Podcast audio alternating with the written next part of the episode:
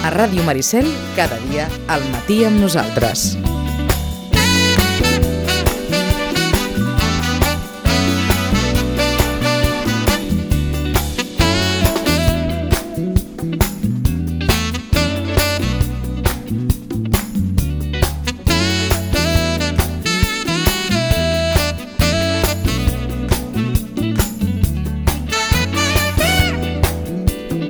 Vinga, a les eh, 10 i 5, eh, hora de, de eh, recuperar el nostre espai mensual que fem sempre amb la gent de l'Oficina d'Atenció al Ciutadà de Sitges, amb l'espai de l'OAC, amb l'Andrea Peinado. Andrea, bon dia. Hola, molt bon dia. Avui que ens, eh, ens portes eh, la informació al voltant de com tramitar els ajuts socials de l'Ajuntament de Sitges pel 2022. Ah, Exacte. Comencem la temporada de presentació d'ajuts. Eh, hi ha moltes famílies que ja ho saben d'aquest- de, de cada any, que, que cada any per aquestes dates més o menys surt el calendari de presentació. Aleshores, a mi una mica posar ordre, perquè estem rebent moltes trucades i moltes eh, peticions de cita perquè els ajuts, eh, una, una, una família que té eh, uns nens escolaritzats, moltes vegades ha de presentar o necessita l'ajut de llibres, l'ajut de menjador escolar i l'ajut del transport escolar.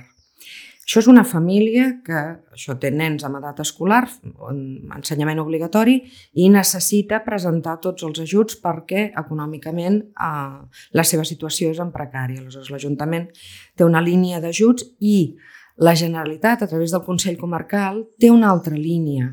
Aleshores, tot el que és menjador escolar i transport ho gestiona el Consell Comarcal. La presentació és amb ells directament. Així com antigament, quan venia la gent en presencial sense cita prèvia, ho presentava tot directament a l'Oficina d'Atenció Ciutadana i nosaltres tramitàvem el que era ajut de llibres cap a l'Ajuntament, cap al Departament de, de Serveis Socials i el que era menjador i transport cap al Consell Comarcal, la famosa administració electrònica el fet d'identificar-te permet no haver-te de desplaçar, tu pots presentar els ajuts de menjador i de transport directament amb el formulari telemàtic que el Consell Comarcal disposa al web i l'ajut de llibres a través del formulari eh, electrònic d'ajut de llibres, però si necessites presentar-ho presencialment perquè no tens eines, no tens manera de disposar d'un ordinador per poder eh, fer el formulari telemàtic, doncs hauràs de presentar la sol·licitud d'ajut de llibres a l'Ajuntament, però l'ajut de menjador i de transport escolar, el Consell Com- Comarcal ens demana, si plau que facilitem eh, les seves dades de contacte perquè si alguna persona no pot accedir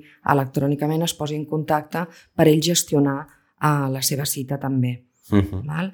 Això és un col·lectiu, una família que es troba en aquesta situació. He de presentar-ho el paquet sencer de cara al curs sencer. Nosaltres parlem de paquet sencer perquè és això, llibres, menjador i transport. Ah, perquè de cara, de cara a una família, evidentment, eh, diguem, el, el, el fet és un. El, el nen ha d'anar a l'escola i, i aleshores què necessito? Necessito transport, necessito llibres... Necessito menjador. Uh -huh. Aleshores, la, en aquest esforç que totes les administracions estem fent perquè la gent no es desplaci, tots estem eh, ofertant la possibilitat de fer-ho electrònicament.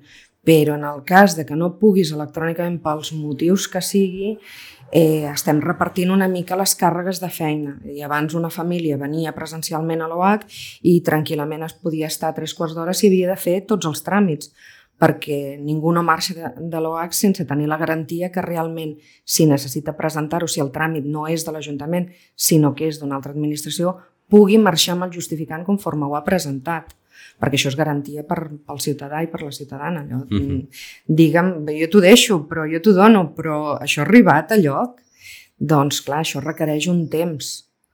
Eh, si hem posat les eines per poder tramitar-ho electrònicament, des de l'any passat això ja, ja ho hem notat, eh, que moltes famílies ja ho coneixen i tramiten tranquil·lament des de casa a les 12 de la nit, a la 1 de la matinada, a les 6 de la I tarda. els en servidors funció- estan encesos. Exacte, No. perquè l'administració Mhm. electrònica és 365 per 24 Mhm. i a partir d'aquí el que sí que és important és que tothom miri, no només en, en aquests tràmits, en qualsevol tràmit que tingui un temps de presentació, no, que no se'n refin.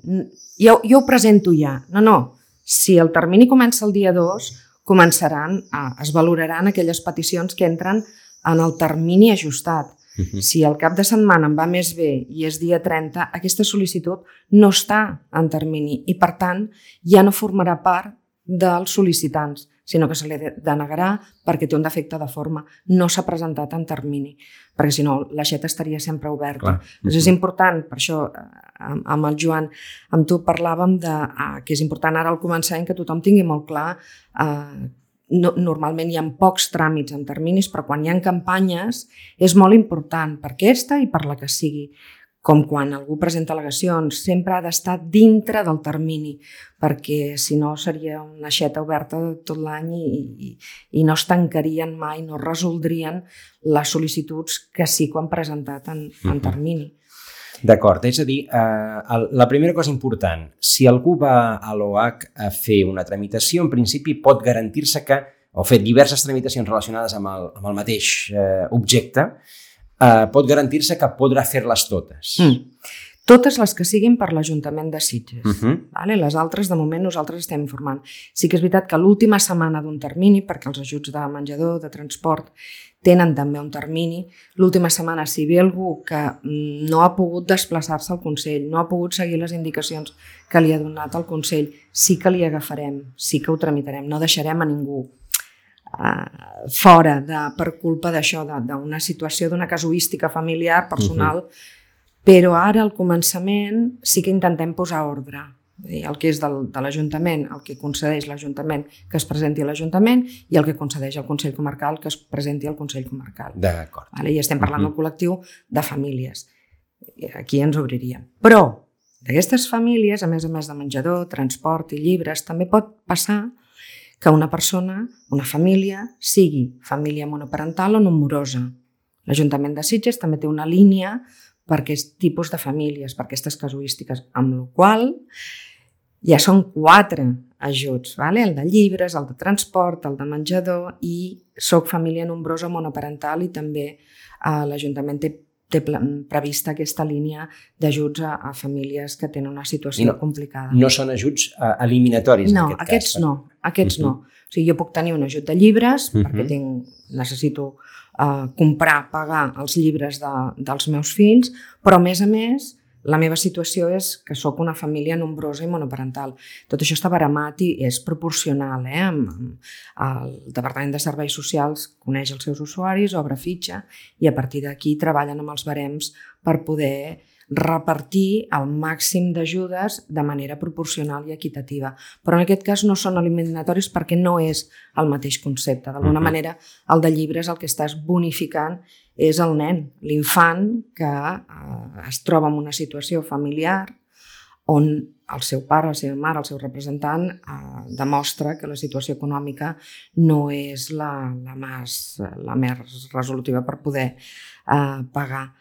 I paral·lelament, la família, si està en una situació de, a més a més, és que sóc monoparental, o sigui, estic sol o sola amb el meu fill per diferents motius, eh? per defunció del company, per decisió pròpia, per separació, haurà d'acreditar-ho o l'Ajuntament consultarà i a partir d'aquí serà proporcional. Però no és com els ajuts de lloguer que la Generalitat un té, té un sí. uh -huh. i l'Ajuntament en té un altre. Aleshores sí que són uh, eliminatoris, un o l'altre. Uh -huh. vale? D'acord. Per tant, eh, les persones que vulguin accedir en aquest tipus d'ajuts, eh, hi ha la informació, de fet hi ha un tríptic que el tenim tots dos aquí, eh, aquí sobre, que, que publica cada any l'Ajuntament, eh, amb la informació bàsica, a la web també, a la web de l'Ajuntament també també hi ha aquesta informació bàsica, però mm, davant de qualsevol dubte es pot accedir a l'OH del carrer Nou per, per, per, per doncs, rebre l'assessorament eh, necessari en aquest cas per saber, doncs, escolti, és que jo no sé si, si puc demanar, no puc demanar, si estic en el... Eh... Sí, a la, a la, el, el, el que deies és important. A la seu, a part de... Una cosa és el que es publica cada departament en el seu apartat específic, la pestanya de serveis, jo localitzo serveis socials i puc eh, veure tota la informació. Però, a més a més, a la seu electrònica Evidentment, per venir a la UAC es necessita cita. Per accedir a la cita ha d'haver-hi el tràmit en obert. Jo selecciono cita per presentar l'ajut de llibres. però com que tota la informació de cada tràmit està molt ben explicada en cada tràmit, abans de seleccionar la cita, jo miro els requisits a veure si uh, la meva situació entraria dintre de la informació que facilita el tràmit. A partir d'aquí no tinc cap dubtes, demano cita, preparo la documentació uh -huh. i ho presento. Tinc dubtes? Truqueu-nos, truqueu-nos i us explicarem si esteu dintre dels requisits generals. Després, eh, això sempre ho he dit i, i ho repeteixo, eh, l'OAC és una porta d'entrada. Nosaltres informem, eh, facilitem, però al final serà el centre gestor, en aquest cas serveis socials, el qui, malgrat tot, malgrat el que m'ha dit l'OAC, jo vull presentar-ho, perquè crec que... no me'ls crec. Uh -huh. Jo crec que tinc requisits i, per tant, uh, vull que sigui el centre gestor el qui uh, sí, resolgui favorable o desfavorable. L'OAC no li dirà mai a un ciutadà no. uh, vostè no presenti això. No, no. Mm. Li podem dir que segons la informació, que és la mateixa que llegeixen ells, nosaltres no treballem amb informació confidencial, mm. Segons la informació del tràmit i parlant amb la persona i veiem, veient la documentació que presenta, creiem que no reuneix requisits, però presenti i serà el departament, el centre gestor, el qui el qui té la bossa per poder distribuir econòmicament aquests recursos, uh -huh. el qui valorarà en profunditat. I ells fan la seva parcel·la competent, perquè tenen les competències. Nosaltres informem i veiem exactament el mateix que veu el ciutadà. Evidentment, la nostra experiència de vegades eh, ajuda perquè hi ha algun document que no s'entén massa bé. Això ho hem parlat alguna vegada. Uh -huh. la, el llenguatge que utilitza l'administració de vegades és més o menys farragós. Si mai, eh, perquè tinc un nen que just aquest any comença primer, fins ara no havia necessitat llibres, no sé de què m'estan parlant, no ho entenc, uh, truqui'ns, uh, l'informarem i l'última decisió sempre és, l'última valoració és del, del departament del centre gestor. Mm -hmm. vale. Encara tenim un altre ajut. El de pensió no contributiva i pensió mínima. Exacte. Eh, què és aquest tipus d'ajut? Aquest eh, tipus d'ajut va, és, va destinat al col·lectiu que té un, uns ingressos mínims, mínims, mínims, tan mínims com és uh, una pensió mínima igual o inferior a 7.967 euros anuals. Evidentment, amb aquest import és molt difícil que una persona eh, pugui tirar endavant amb, amb la vida, amb el lloguer, amb, amb les necessitats que tingui. Aleshores, l'Ajuntament de Sitges també, pensant en aquest col·lectiu, obre aquesta línia d'ajuts es valora i a partir d'aquí, eh, com tots els altres ajuts i serveis socials, qui decidirà si és correcte el que està declarant uh -huh. o farà les comprovacions, perquè una cosa és tinc aquesta pensió però després resulta que tinc dues propietats. Ja no entraríem dintre Clar. del col·lectiu perquè tinc dues propietats. No me'n vull desprendre, però mm, els ajuntaments, els recursos, eh, han de tenir una línia d'adjudicació de, de, de l'ajut molt regulada. Són diners públics i, per tant, eh, no es beneficia a una persona que ja té unes propietats, perquè se suposa que té altres recursos per poder tirar entenc, endavant. Entenc que això deu generar molts dubtes. Sí, Uh -huh. Sí, això genera molts dubtes perquè, entre altres coses, perquè tots fem el mateix, eh? no, no, no, cada col·lectiu és diferent, però en definitiva tots els humans fem el mateix. A mi em passa això, jo tinc aquesta situació, per què no m'ajuden a mi? Doncs no és que no vulguem ajudar a tothom, és que no es pot ajudar a tothom. Això és una, una màxima que, que, que és evident que el qui té una situació econòmica precària és molt difícil que entengui perquè té una situació que no el deixa ni pensar. Uh -huh. I en canvi la gent que tenim una vida més, les persones que tenim una vida més regulada econòmicament, doncs podem arribar a entendre coses per dir, home, clar, no beneficiaran a totes les situacions perquè, clar, no, no és de lògica. Però en canvi el que té una situació econòmica precària Uh, pensa molt en això, en com arribar a final de mes ell.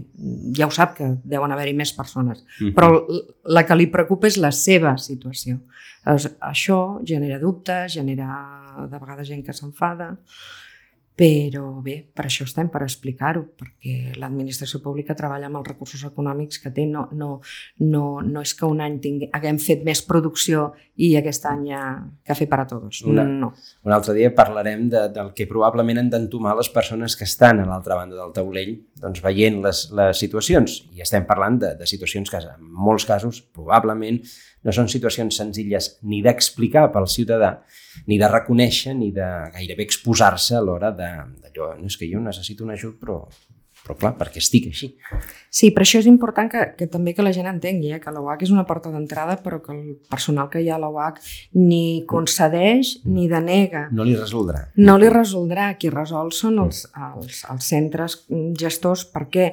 Perquè són ells els que han aprovat unes bases, perquè han buscat a la fórmula per intentar arribar al màxim a totes les persones possibles, però que s'han de moure dintre d'un escenari per Mhm. poder uh, facilitar el, el millor. Aquests eh, ajuts, l'ajut de material escolar és fins al 2 de juny, l'ajut eh, per a famílies monoparentals i famílies nombroses és fins al 30 de juny, per tant, doncs, eh, el termini de presentació, per cert, aquest eh, segon encara no ha començat perquè comença el 30 de maig, eh, i l'ajut de pensions no contributives és eh, entre el 27 de juny i el 27 de juliol, és a dir, que encara, eh, encara falta doncs, perquè, perquè comenci aquest termini de presentació. Sí, i per tant la cita prèvia no està disponible encara Mhm. d'aquests ajuts que no han començat el termini.